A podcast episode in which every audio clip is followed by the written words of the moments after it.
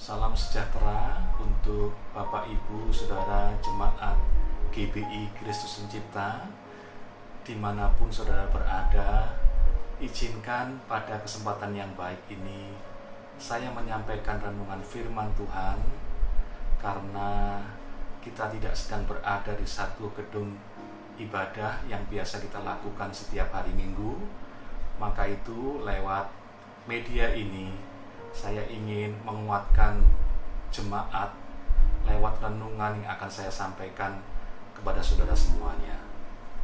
Saya memberikan judul untuk renungan firman Tuhan kali ini adalah menyikapi situasi yang tidak menentu. Bapak Ibu, kita tahu bahwa kita sedang menghadapi situasi yang tidak mudah dan informasi dan pakar yang kita terima informasinya bahwa keadaan ini bisa semakin memburuk. Tetapi bagaimana sikap kita sebagai orang percaya? Yang pertama, kita harus tenang. Di dalam Yesaya 30 ayat yang ke-15 mengatakan demikian. Sebab beginilah firman Tuhan Allah yang Maha Kudus Allah Israel. Dengan bertobat dan tinggal diam, kamu akan diselamatkan. Dalam tinggal tenang dan percaya terletak kekuatanmu. Bapak Ibu sudah dikasih Tuhan. Firman Tuhan mengatakan, orang yang tenang itu mendapatkan kekuatan kekuatan untuk menghadapi berbagai situasi, khususnya menghadapi situasi yang tidak menentu sekarang ini akibat semakin merebaknya penularan virus corona. Kita perlu menjadi orang-orang yang bersikap tenang. Dan Tuhan tidak ingin kita panik, khawatir, takut, dan cemas menghadapi situasi seperti ini.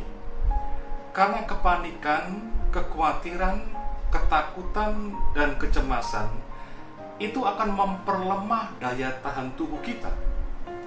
Padahal justru di saat-saat seperti ini, kita perlu memiliki daya tahan tubuh yang prima untuk menghadapi, untuk mengantisipasi tertularnya kita dari virus corona. Bukan hanya itu saja, kepanikan, kecemasan, kekhawatiran, dan ketakutan itu akan semakin memperburuk situasi yang terjadi. Contoh yang telah kita lihat adalah bagaimana orang memborong dan menimbun kebutuhan bahan pokok karena panik, karena khawatir, sulit mendapatkannya Nah, hal ini tentu menyebabkan kelangkaan. Dan akhirnya kita tahu semua bahwa harga-harga kebutuhan bahan pokok menjadi naik. Hal ini pada akhirnya akan memberikan kesulitan kepada kita bersama. Sebab itu, jangan panik, jangan khawatir, jangan cemas, jangan takut. Karena ketika kita tenang dan tidak panik, kita akan kuat. Di dalam Mazmur pasal 62 ayat yang pertama dikatakan demikian. Hanya dekat Allah saja aku tenang, daripadanya lah keselamatanku. Bapak Ibu, yang menjadi dasar kita tenang adalah karena kita mendekatkan diri kepada Tuhan. Bukan karena situasi, bukan pula karena apa yang kita miliki. Orang bisa tenang kalau situasinya baik, kalau situasinya kondusif, kalau situasinya aman, kalau situasi sesuai dengan harapan kita. Tapi pertanyaannya, siapa yang bisa menjamin situasi bisa seperti itu terus? Ada banyak hal yang di luar kemampuan manusia Artinya kita tidak bisa mengontrol 100% situasi. Tidak bisa mengontrol situasi sepenuhnya. Orang bisa tenang juga ketika ia memiliki, merasa memiliki kemampuan yang diperlukan untuk menghadapi berbagai situasi. Kekayaan, kepandaian, kekuasaan, popularitas, ternyata hari-hari ini tidak bisa lagi diandalkan karena namanya wabah tidak memandang bulu. Kita sudah menerima informasi bahwa mulai dari pejabat pemerintah, artis, atlet, publik figur pun bisa terjangkit virus corona. Seharusnya situasi dan pengalaman ini membuat kita semakin mendekatkan diri kepada Tuhan, sehingga kita bisa mendapatkan ketenangan yang sejati. Yang menjadi dasar kita bisa tenang yang kedua adalah percaya bahwa dari Tuhanlah keselamatan kita. Mazmur 62 ayat yang pertama, hanya dekat Allah saja aku tenang, daripadanya lah keselamatanku, ditulis oleh seorang raja yang bernama Daud, yang punya pengalaman yang sangat dalam mengenai ketakutan. Daud tahu persis apa yang namanya ketakutan Mengapa? Karena ia terus dikejar-kejar dan hendak dibunuh oleh musuh-musuhnya. Perasaan terancam mati yang begitu dalam dan cukup panjang. Dan kita perlu belajar dari pengalaman Raja Daud ini. Bagaimana ia bisa tenang menghadapi situasi yang seperti itu. Selain ia mendekatkan diri kepada Tuhan, ia percaya sepenuhnya bahwa Tuhanlah sumber keselamatannya ia mengatakan, Tuhanlah gunung batuku, keselamatanku, dan kota bentengku, aku tidak akan goyah. Di dalam Mazmur 62 ayat yang kedua dan yang ketiga. Dan imannya tidak sia-sia. Tuhan memberikan perlindungan ekstra sehingga ia bisa selamat dari musuh-musuhnya. Sikap yang kedua, Bapak Ibu Saudara jemaat yang dikasih Tuhan, adalah waspada. Waspada artinya tidak sembrono, tidak lengah, cuek, dan mengambil tindakan yang berisiko tinggi. Karena inilah adalah bagian dan tanggung jawab kita. Di dalam 1 Samuel pasal 26 ayat yang pertama, dikatakan demikian. Datanglah orang Zif kepada Saul di Gibeah serta berkata, Daud menyembunyikan diri di bukit Hakila di padang belantara. Di dalam Amsal 22 ayat yang ketiga dikatakan, kalau orang bijak melihat malapetaka, bersembunyilah ia. Tetapi orang tak berpengalaman berjalan terus, lalu kena celaka.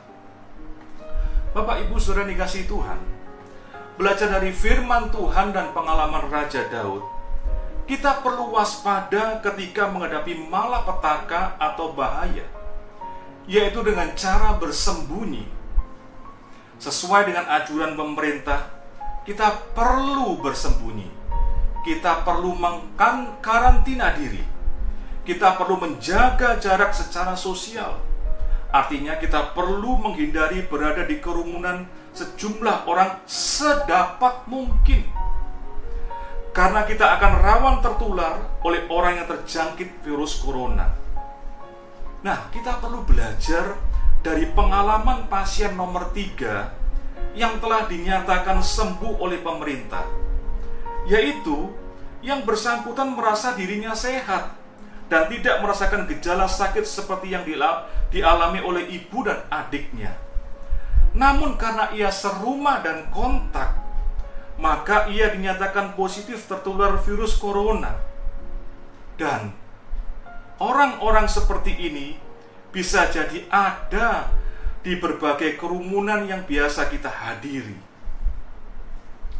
Menurut jubir penanganan COVID-19 yang disiarkan Metro Jumat 20 Maret 2020, potensi yang terjangkit di Indonesia bisa mencapai 600 ribu sampai 700 ribu orang. Maka itu pemerintah akan menyediakan alat tes sejumlah 1 juta buah. Bapak Ibu Saudara dikasih Tuhan, himbauan-himbauan pemerintah yang lainnya juga harus menjadi perhatian kita.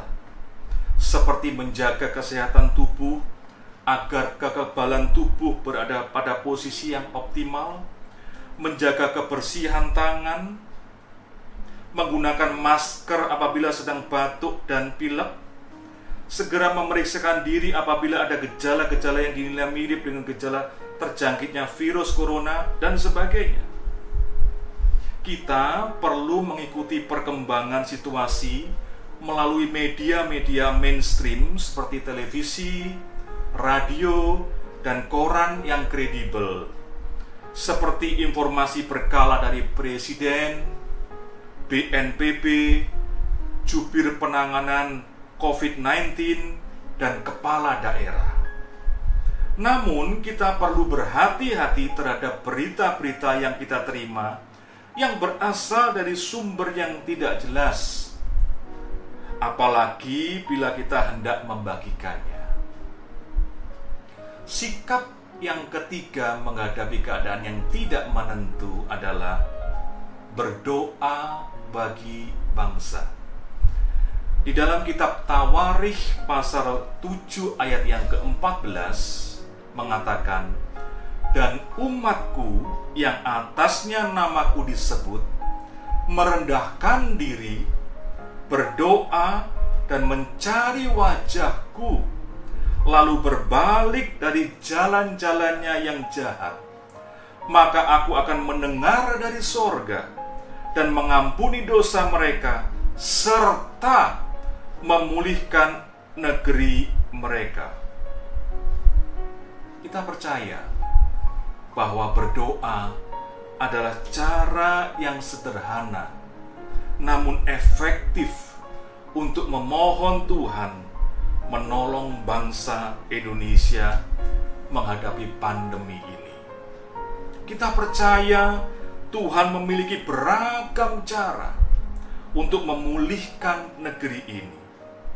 Secara logika, Sungguh tidak mudah bagi pemerintah Indonesia untuk menangani wabah ini. Yang pertama, karena penduduk Indonesia jumlahnya sangat besar. Yang kedua, kesadaran masyarakat Indonesia akan bahaya ini harus diakui masih tergolong rendah. Yang ketiga, faktor perekonomian Indonesia rentan ketika menghadapi situasi ini. Dan yang keempat, sumber daya yang sangat terbatas. Dan yang terakhir menurut saya adalah bahwa langkah antisipasi yang dilakukan oleh pemerintah ini cukup terlambat. Tapi Bapak Ibu, saudara yang dikasih Tuhan, kita percaya bila Tuhan menurunkan belas kasihannya, maka tidak ada perkara yang mustahil. Wabah ini akan segera teratasi sehingga tidak menimbulkan dampak buruk yang semakin luas dan berkepanjangan. Kita percaya Tuhan mengasihi Indonesia. Setuju katakan amin. Dia memperhitungkan keberadaan dan permohonan anak-anaknya. Mari jemaat, jangan lupa setiap hari naikkan permohonanmu dalam doa untuk pemerintah dan bangsa ini agar pertolongan dan campur tangan Tuhan sungguh-sungguh nyata terjadi. Biarlah peristiwa ini menjadi kesaksian akan keberadaan Tuhan Yesus yang baik bagi bangsa Indonesia. Kesempatan untuk beribadah di rumah masing-masing sesuai himbauan pemerintah diharapkan memiliki manfaat ganda, yaitu yang pertama, membuat kita semakin dekat kepada Tuhan melalui saat teduh dan doa bersama keluarga, karena kita lebih bebas secara waktu dan tempat, sehingga relasi kita dengan Tuhan tidak selalu digerakkan oleh program gereja dan dibatasi oleh gedung dan waktu gereja. Yang kedua, relasi kita dengan keluarga seharusnya semakin terbangun karena kita sering di rumah bersama dengan keluarga. manfaatkan kesempatan yang indah ini. Selalu ada hikmah dari sebuah situasi. Orang yang bijaksana adalah orang yang bisa mengambil hikmah yang berarti dari setiap peristiwa dalam kehidupannya. Terima kasih, Tuhan memberkati Bapak, Ibu, Saudara semuanya, di mana pun saudara berada.